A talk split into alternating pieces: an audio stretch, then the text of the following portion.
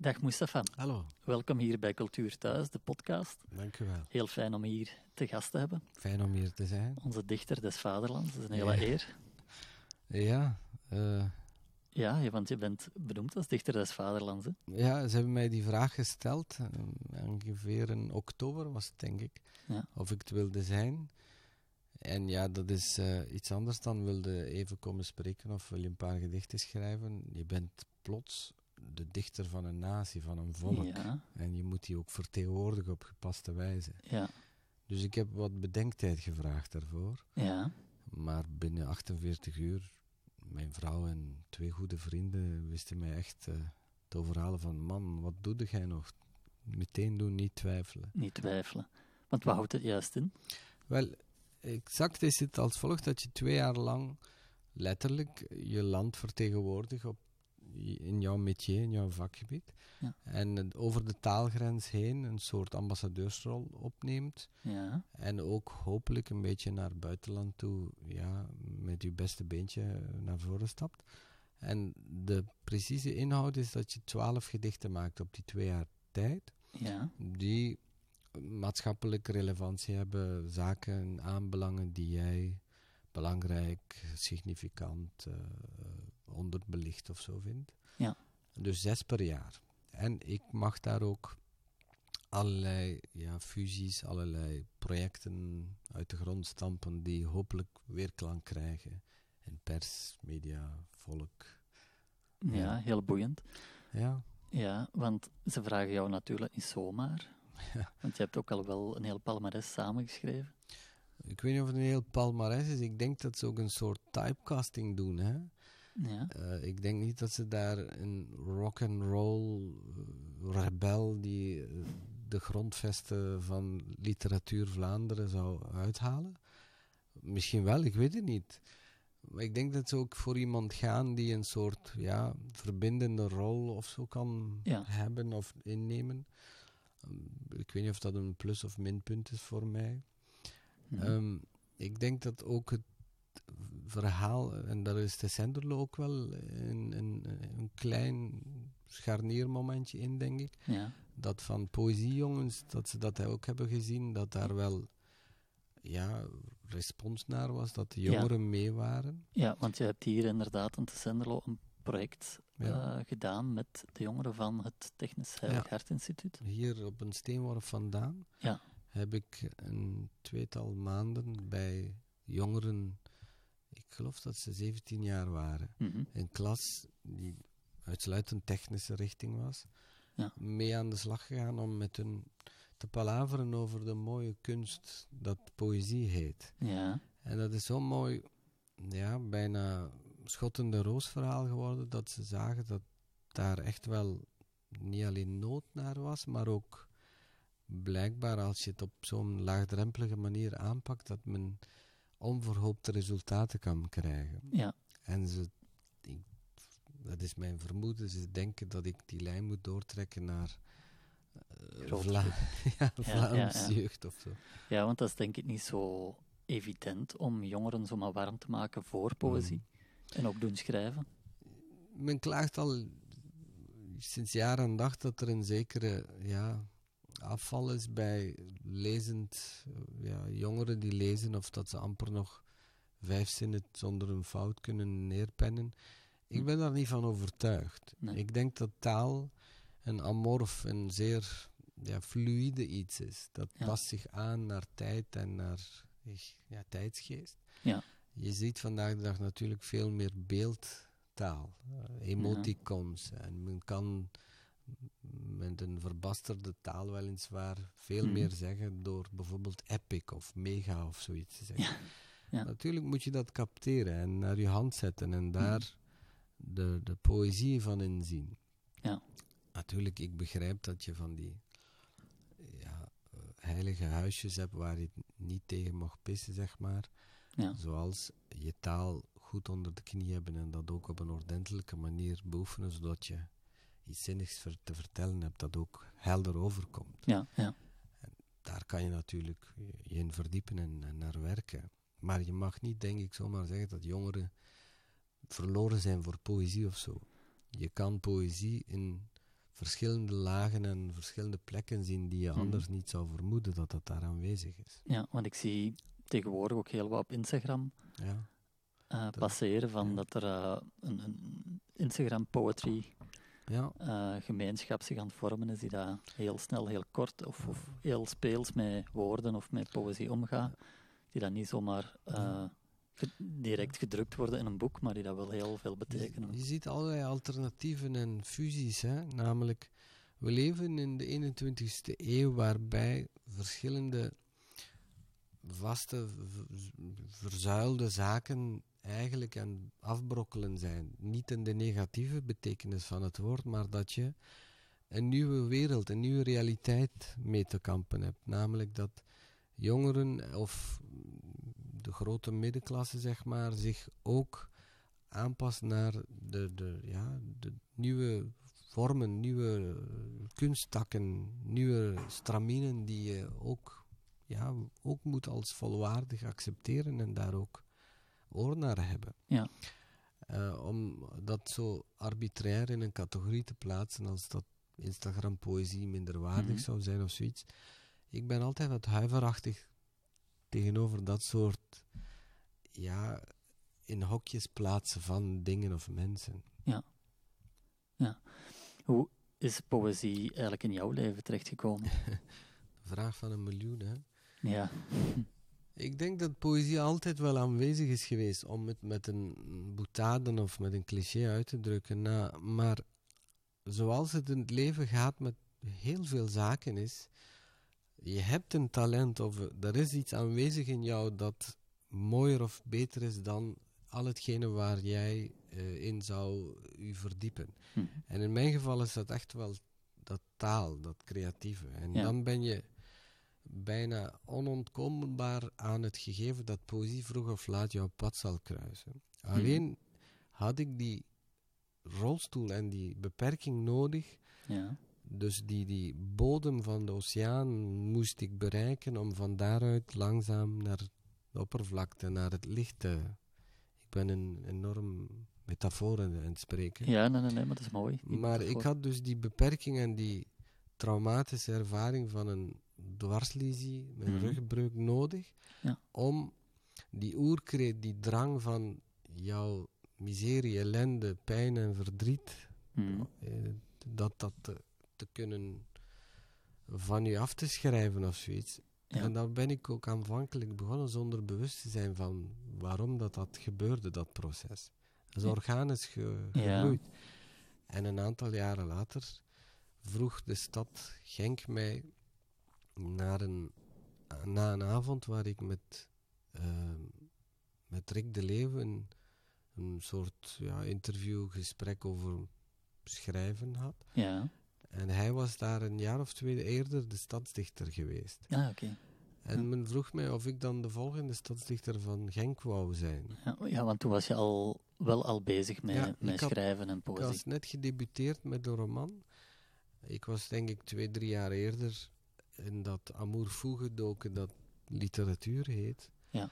En ik was nog niet eens aan, aan poëzie met de kleine p geraakt. Toen ze mij die vraag stelden, waar ik gretig en een zekere bravoure, met een zekere bravoure volmondig ja heb geantwoord. En daar heb ik mijn eerste gedicht ooit geschreven, dat Genker Liefde is gaan eh, noemen en intussen een beetje historisch gedicht is geworden, omdat dat daar het zaadje was van ja, mijn eh, leven als dichter. Ja, daar is het eigenlijk echt Ja. gestart. Of, eh, Wel, nadien ga je natuurlijk wat meer poëzie tot je nemen en lezen. ja. En vriend, poëzie, dat is. Ja. La vie, dat is la waanzin. Ja, ja, ja. En als je dan de groten der aarde leest, als je Baudelaire tot je neemt en Mhm. Pessoa en ja, Mhm. Dat is ook dan, dan dat is een virus dat onder je huid kruipt en niet meer eh, je loslaat. Hè. Ja, want je noemt er nu twee op. Ehm, Ja. Zijn er zo waar dat je naar echt op kijkt, waar dat je zegt van oké, die stijl is, die past heel fel bij mij, of ik wil ook wat meer in, Mm. in die richting schrijven? Of, Ik heb nooit dat gehad en dat ben ik heel oprecht in dat ik een soort rolmodellen of voorbeelden of mensen die ik wil nadoen of kopiëren of zoiets. Het interessante en ook moeilijke aan mij is dat ik juist een ongeleide projectiel ben. Dat kan enorme hoogtes hebben, maar ook zeer lows. Ja. Maar bij mij is het what you see is what you get. En dat is, vind ik althans, en dit klinkt heel arrogant, heel interessant. Mhm. Niet zozeer naar hetgene wat ik doe of te vertellen heb, dat dat interessant moet zijn. Of kijk eens, je moet allemaal met aandacht. Maar ik vind het als vanuit een antropologisch, sociologisch invalshoek vind ik het intrigerend om te zien wat een migrantenkind in de rolstoel die nog nooit poëzie, literatuur, studie, diploma. Ik ben een autodidact. Ja. Ik, ik ben een beetje een, een oerkracht of zo. En Mhm. daarom vind ik het interessant wat de komende x aantal jaren uit mijn pen gaat vloeien en wat dat gaat zeggen over ons natie, over ons tijdsgevricht. Ja. En dit klinkt heel raar, ik ben even mijn eigen rekening aan het maken. Ja. Maar ik ben zeer benieuwd ook naar mijn eigen toe wat dit met mij gaat doen de komende x aantal jaar. Ja. Zeker nu met zo'n ja, zware last die last is het niet, maar zo'n zware bagage als dichter des vaderlands, waar je het land op zijn bakkes gaat rijden van hot naar her. Ja. Ja. Uit alle windstreken van deze regio, dit stukje lapje aarde, Ja. ga ik proberen een soort eh, oogst bijeen te rapen en hopelijk een mooie silo vol eh, graan vullen of zo. Dat ik straks mooi brood van kan maken en jullie kan doen Serveren. van proeven. Ja. Ja, ja, want er, er zijn natuurlijk wel wat verwachtingen aan, aan verbonden, zo, hè, maar Maar daar heb ik me zelden iets van Ja. aangetrokken. het, het is een uitdaging uiteraard, wat dat u misschien Ja. ook wat, wat extra... Het is in ieder geval een, boeiende rit waar ik wel veel goesting in heb. Ja. Ja, Ik ben ook benieuwd hoe ik dat allemaal ga, oh, ja, hopelijk tot een goed einde ga kunnen brengen. Maar ga ik mezelf daar in eigen vlees snijden of ga ik te veel hooi op mijn vork nemen? Waarschijnlijk wel, maar ja, het daagt u in ieder geval wel uit. het prikkelt. Het is prikkelend, Ja. alleszins. En er zijn misschien al wat ideeën aan het opborrelen, of Ja, ik zijn er al wat zaken? Ja, goed dat je dat vraagt, omdat je nu telkens bij een gedachte of een reflectie of je contempleert. Hè. Je zit, Mhm. ik- het is het clichébeeld bij uitstek op je zolderkamer, kijk je over de straat en in gedachte dat in je hersenpan knettert, link je altijd met, zou ik daar iets mee kunnen doen als straks als dichter des vaderlands? En hoe zou je dat dan aanpakken en hoe, in welke maal giet je dat? Ja, Dat is zo'n zegen, maar ook zo'n vloek die je nu hebt. Hè, van, alles staat nu in teken van het groter geheel of zo. ja. En, en dat, daar moet je voor oppassen dat dat niet... verlammend werk. Ja, maar ook ten koste van alles eh, het streven bij uitstek wordt of zoiets. Je Mm. moet vooral een goed, feilloos gedicht maken of een project waarin je echt gelooft en je ziel in wil Ja. insteken. Want daarvoor hebben ze jou waarschijnlijk ook wel gekozen. En, niet, en door het feit wat je al gemaakt hebt. En dat jij nu niet in één keer 180 graden moet draaien en iets compleet anders moet doen. Ik wil nog naïef genoeg geloven dat ze mij waarschijnlijk gekozen hebben omwille van dat ik waarschijnlijk een paar zinnige dingen te vertellen heb, maar ook waarschijnlijk ook voor een zekere, ja, hopelijk origineel dichterschap of zo. Eh, ik heb mij niet met zoveel woorden laten vertellen dat het blijkbaar waren ze er gauw uit. Er was dus duidelijk consensus. Hm. Blijkbaar was de huidige dichter des vaderlands, Karl Norak, zeer lovend en zeer, ja, hij schoof me blijkbaar ook naar voren. En in dat, er is een comité dan, hè. Ja. En daar waren ze blijkbaar ook, ah ja, Diene, dan, ja.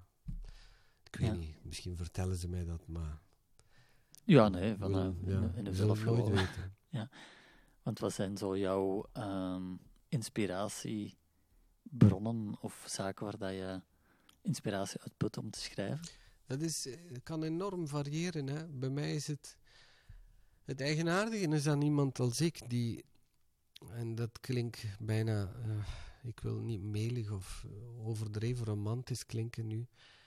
Ik ben een enorme, eh, enorm afhankelijk van de efemeriden. De, ik ben echt een watermens, een kreeft. Mhm. En wat twee dagen enorm hoogtes kunnen zijn en ik enorm kan dwepen en bijna tot het extatische in inspiratie zitten, kan een dag of drie later enorm low zijn en enorm uitzichtloos op het cynische, zwartgallige af. Mhm. Ik zeg ook dat ik een zwart romanticus ben daarin. En vandaar waarschijnlijk dat niet toevallig Baudelaire daar straks viel. Ja. Wat mijn inspiraties zijn, dat kan van alles en nog wat zijn. Een bommatje die de straat oversteekt en in de wind haar eh, rokje op, omhoog waait Mm, of zo. mhm. ik, ik weet het niet. Ja, Wat is zo wat- inspiratie? Zo dagdagelijkse ja. gebeurtenissen die daar jou kunnen... Een, een kindje dat nu in Palestina wordt gebombardeerd en waarschijnlijk straks een boze zoon wordt en daar, ik Mhm. weet niet, kan van alles en nog wat zijn. Inspiratie is ook heel subjectief, hè? Mhm. Wat voor u zeer inspirerend of zeer ja, heftig binnenkomt, kan voor mij een zekere ja, eelt zijn waar ik niet doorkom of zo. Ik weet het niet. Het moet alleszins hartveld zijn. Het moet uit de onderbuik, uit uw, uit uw lende komen. En, Mhm. ja, het moet eh, waarachtig zijn. Hoezeer het ook een extreem uiterste van inspiratiebron zijn, het Ja. moet alleszins waarachtig zijn. En dan kom ik naar een van mijn dada's. Sommige mensen hebben mij dat al verweten. Sevilla, Granada, Spanje, stierengevechten. Ik heb Mhm. die stier in de ogen gekeken. Die, die, dus er is een moment, de Spanjaarden en de liefhebbers noemen dat ook La, la Muerte Negra, de zwarte dood. Zo'n Hmm. kolos van 600 kilo, die zonder conventies op je afkomt en die zegt, gast, jij zult eraan gaan. Maar als je dan, wetende dat je de dood in de ogen kijkt, toch zegt van kom maar af, dit ben ik, van vlees en bloed, geworpen mensenkind, Hmm. maar ik ga in alle gratie met u deze dans aangaan. Dat is poëzie. Als iets niet, als iets niet rauwer en puurder is, is dat moment wel. Ja. Mij moet je daar niet voor zetten hoor. Ik zou denk ik eh, bij eh, geen, geen haar op mijn hoofd die daar. Maar Nee. dat, ik wil maar aantonen dat waarachtig en puur. Je moet all the way kunnen gaan. En Ja. daarom dat ik daar straks ook zei, waarschijnlijk ga ik te veel mezelf snijden, te Mhm. veel ooi op mijn vork nemen en dat gaat ten koste van mijn eigen lijf en leden gaan gaan. Ja. Maar hopelijk eh, levert dat wel waarachtige poëzie op. Ja. Ja. Granada. Hemingway zei daarover als eh, het moment waarbij die stierenvechter het zwaard in de longen en het hart van die kolos gaat steken. Dus het moment van de waarheid. Ja. Er gaat iemand van 600 kilo, een bijna prehistorisch dier met horens waar we mythische krachten aan toeschrijven, gaat sterven. Die gaat als een kraan dat leegloopt, gaat bloed vloeien. Dat noemen ze het moment van de waarheid, waarbij, zoals Hemingway het zo mooi verwoordt, death in the afternoon. Ja, ja, ja. Waarbij zelfs de zwaluwen die over de arena vliegen, zwijgen. ja. Dus een soort eerbied, respect Ik naar... ben nu heel even aan het zoeken. Welke boek van Hemingway is dat nu weer? Want ik heb ze Dead allemaal... in the Afternoon heet Dead in the Afternoon, die boek, ja. Ja. En Ik heb wel heel wat boeken van Hemingway gelezen. ik eh, ben wel Hemingway-fan. Vooral eh, Voor wie de klok luidt, vind ik eh, Ja. een fantastisch boek. Ja. Mooi, hè?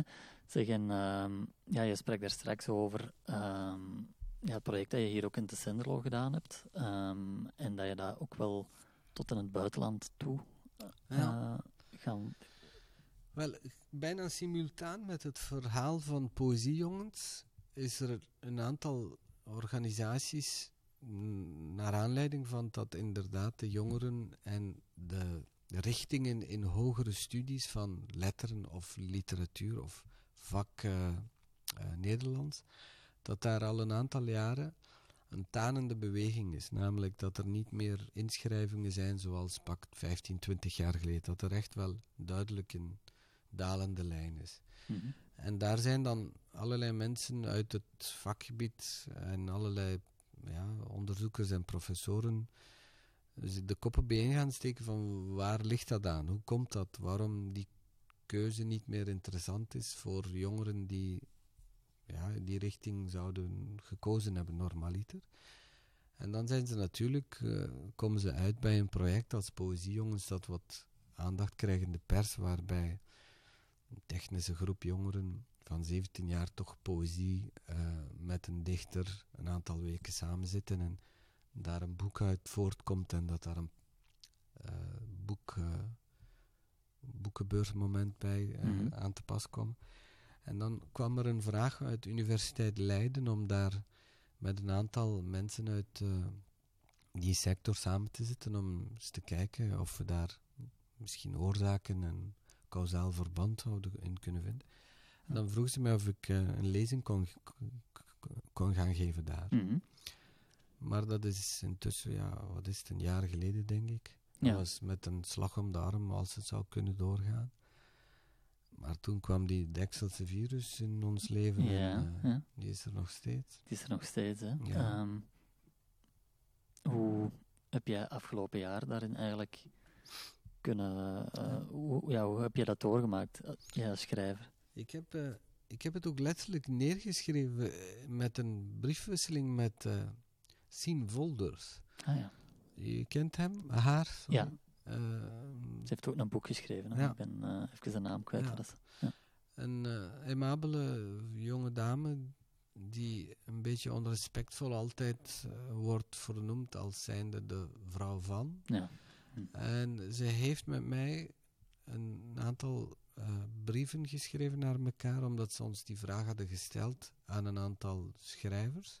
Hm. Ze waren er heel snel bij, eigenlijk, die organisatie van wat dat doet met uh, mensen die nadenken over dingen. Dan kom je ze blijkbaar Ja. bij schrijvers. Ja. Alsof het gewone volk daarin.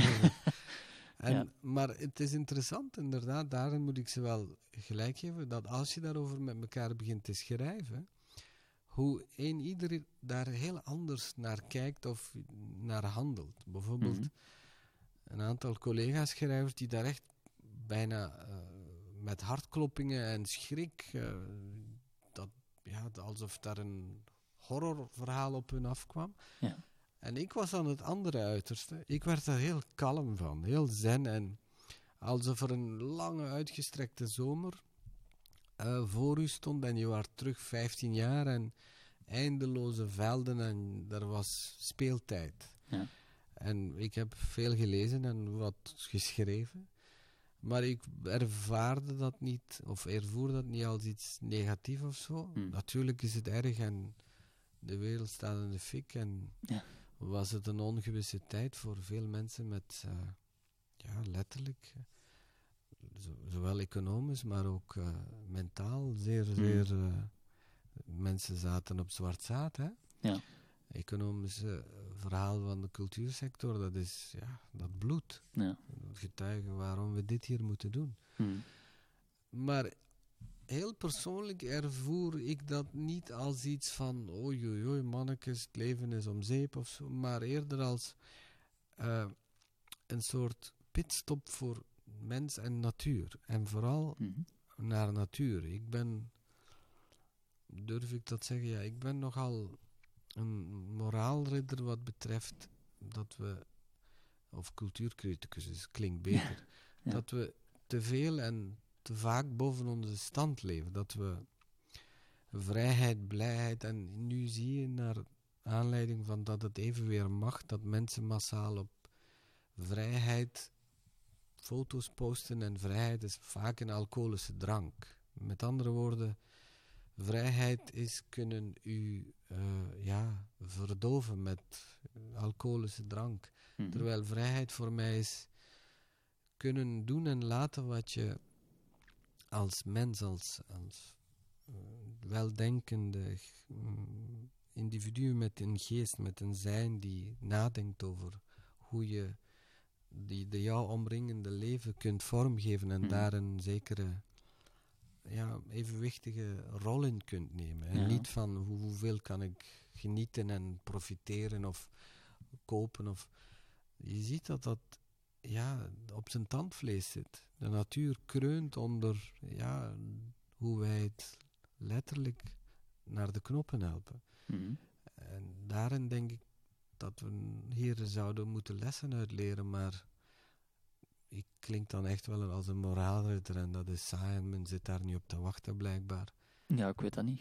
Maar het is wel zo, hè. je ziet dat, eh, ook al was het helemaal stil, de, de, de scheepsvaart en de, het verkeer, blijkbaar heb je dit 20, 30 jaar lang nodig, eer het een beetje verschil begint te maken. Mhm. Dus eh, nogmaals een warme oproep, mensen, als het kan, beperk het tot het hoog noodzakelijke. Ja. Ja. Lees meer poëzie. ja, want dat kan Ik, inderdaad. maak, ja. ik maak de bocht zo. ja, nee, nee, nee, maar dat is waar. Ik denk dat poëzie daarin Ja. veel zou kunnen betekenen. Ehm, omdat, ik denk binnen schrijvers, dat de poëten of poëzieschrijvers toch bepaalde gedachten kunnen neerpennen op een manier waar dat je waarbij moet blijven stilstaan en even eh, laten binnenkomen. Ja. En mm, misschien dat het niet iedereen gegeven is om daarmee aan de slag te gaan of te lezen, maar ik denk dat dat... Onthaasting. Ja, ik denk dat eh, wel- poëzie wel misschien een ambassadeur is voor onthaasting. En dat is, hè, eh, nogmaals, dit klinkt zo ja, achterhaald bijna intussen. En je, je gaat je op den duur zo waar schamen dat je dit verkondigen moet. Mhm. Maar die eh, hectiek, de waan van de dag, dat gehol van de ene naar de andere vergadering of drink of meeting of 17 posts op een, op een dag en Ja. een mening. Iedereen heeft wel een mening over alles en nog wat vandaag Mhm. de dag, wat ik nu ook doe, weliswaar. maar Ja, maar je kunt, het op, je kunt het op twee manieren doen, denk ik. Ik denk Ja. dat je mag meningen eh, verkondigen, je mag eh, dingen posten op sociale media. Maar het is dan wel fijn dat als je doet, dat daar een gevoel van is van er is over nagedacht. Of er is even, dat is een, een onderbouwd iets wat dat, eh, geschreven wordt. Want ik denk dat mensen, ehm, dat is al bijna 180 graden tegenover poëzie eh, niet altijd goed beseffen wat dat ze neerschrijven en wat dat, dat doet het, met andere mensen. het voornaamste drijfveer, en, en dit is, je hoeft mij niet op mijn mooie amandelvormige ogen het eh, te geloven, maar dit is wetenschappelijk onderbouwd. Studies en allerlei organisaties tonen aan dat lezers, mensen die zich de tijd en de onthaasting eh, nemen Mhm. om rustig te lezen, ze, ze, ze zien dat er stoffen in de hersenen, die de, de gelukshormoon worden ze genoemd, worden vrijgemaakt en dat je empathischer staat Ja. ten opzichte van Ja. mensen en organisaties of Mhm. ideeën. Terwijl een post van, wat is het, twee regels of een Hmm. foto of flashy, sexy beelden, dat is juist ontregelend. Dat is Hmm. juist veel meer eh, chaos creërend. Je ziet dat het een, letterlijk een diarree is van allerlei naakte lichamen en flashy dingen, Hmm. waarbij Hmm. iedereen maar swipe, swipe, swipe, swipe. Waarbij je hersenen zoveel prikkels krijgen dat er geen mooi afgebakende ideologie of zoiets tot je kan doordringen. Je bent Mhm. eigenlijk een soort pixel waar je het groot beeld niet meer ziet. Je bent allerlei pixels aan het zien, Ja. maar je ziet eigenlijk geen beelden meer. Mhm. En poëzie kan daar denk ik bij uitstek wel dat die waas van, van, vandaan halen of zo. En Ja, je ja. bent al stil. En als je empathisch bent, dan ben je ook ontvankelijker naar nieuwe groeimomenten. Want Mhm. je kan je verplaatsen in de schoen van iemand of iets anders. Waardoor je juist groeit en Ja. groter wordt. Ik denk dat die, dat die empathie heel belangrijk is. Hè. Ik weet, eh psychiater Dirk de Wachter Ja. ehm, zegt ook altijd, eh, het wel een keer verteld, dat het belangrijker is om romans of poëzie te lezen dan wel vakliteratuur. Eh, omdat je daar eigenlijk je empathie eh, nog meer in traint. Of, of Ja. ehm, zeker dat je wel in situaties je moet kunnen inleven ehm, waar dat je misschien heel ver van af staat. En dat je een ander zicht krijgt op ehm, hoe dat de zaken voor anderen in elkaar zitten. Het interessante aan literatuur in het algemeen is dat je daar niet op instant pleasure moet wachten, maar dat je op Mhm. langere termijn wel grotere beloning krijgt. Omdat je een Ja. proces hebt meegemaakt die je niet op een liedje, een foto Mhm. of wat dan ook, dat is momentopnames. Terwijl als je een verhaal wilt horen, dat, dat is van oudsher zo. Hè. Verhalen en poëzie, voordat mensen er waren, was er poëzie.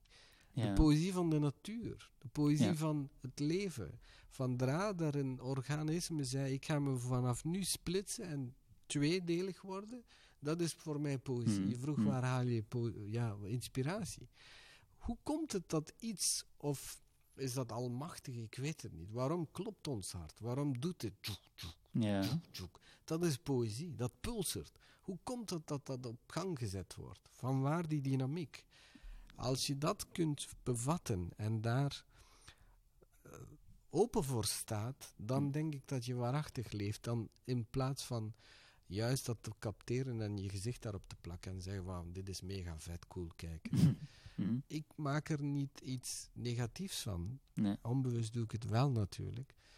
Maar het is verdorie wel de waarheid. Ja. Hoe, hoe zou je mensen kunnen bereiken die daar eigenlijk compleet niet met poëzie bezig zijn en die daar, waar dat we net over gehad hebben, wel Heel voor de snelle likes en, en kicks gaan? Heel simpel. Niet geloven naar mijn woorden, maar naar mijn daden.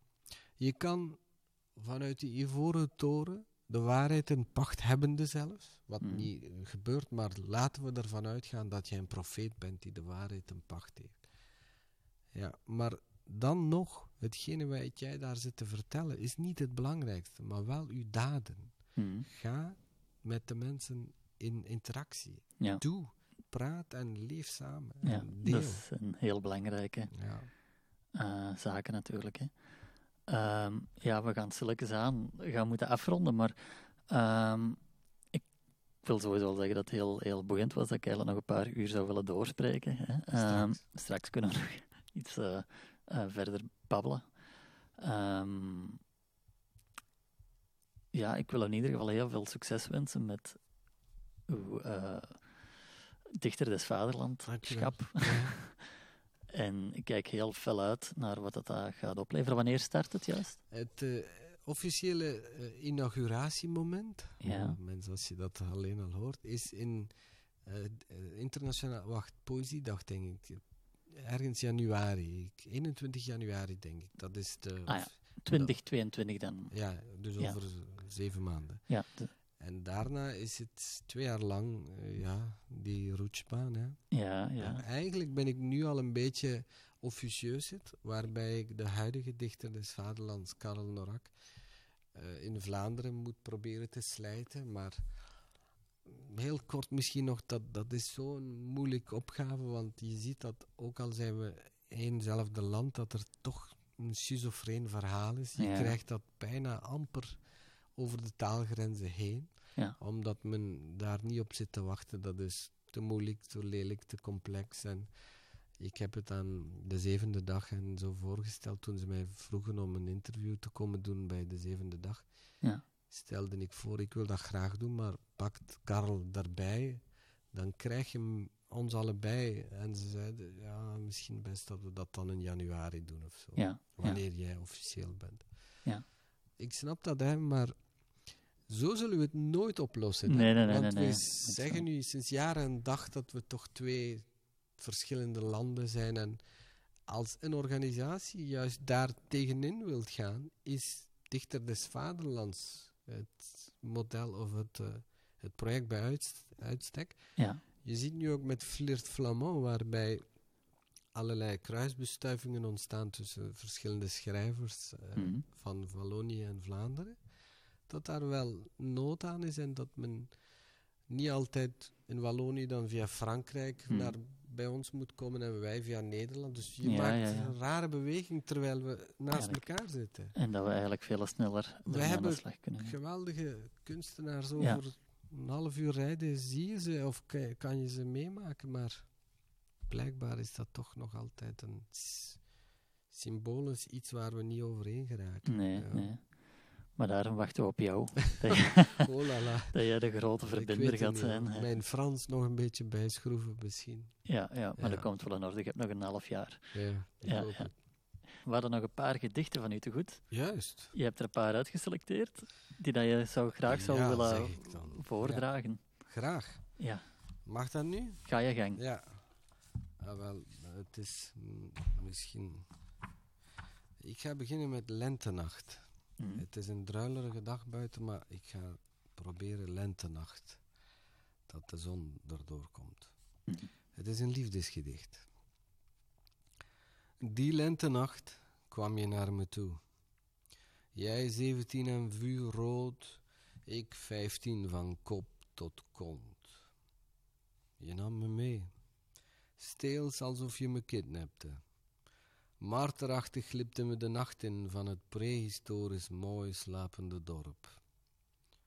Het gubbelde kikkers in het ven. Ik zag ons weerspiegeld op haar vel. Mijn jonge hart huisde lachende kinderen.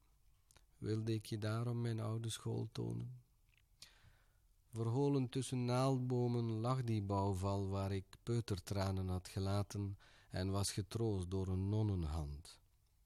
In dat gebouw was ik kind geweest met boken choco in mijn boekentas. Ik bezocht het wel eens, niet wetende waarom. Een laatste les voor onderweg, de prille liefde, mijn kleinste herinnering op te rapen of ballast te lossen achter de kapel.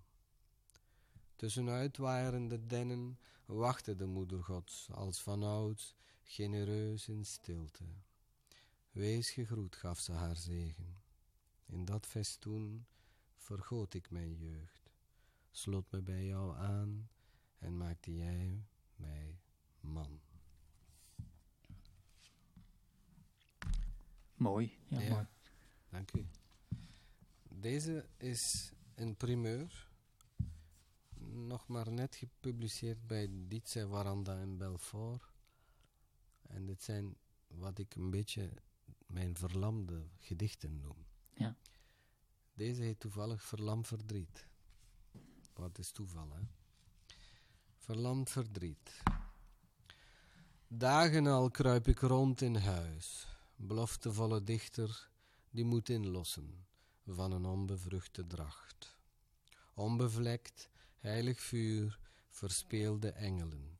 Zelfs dat soort praat dicteert mijn behaagzieke drift. Gebogen over dode dichters, wier levens niet meer waren eens er toededen, zie het masker van je gezicht scheiden.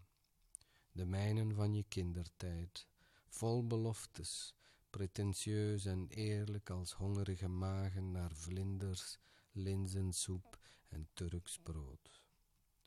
Ook mooie meisjes werden moeders, vluchten uit mijn barokke hoofd, reeds toen een zwarte romanticus in de dop, waar geen zee voor bestond. Ik wilde terug die school uitstap naar de Ardennen.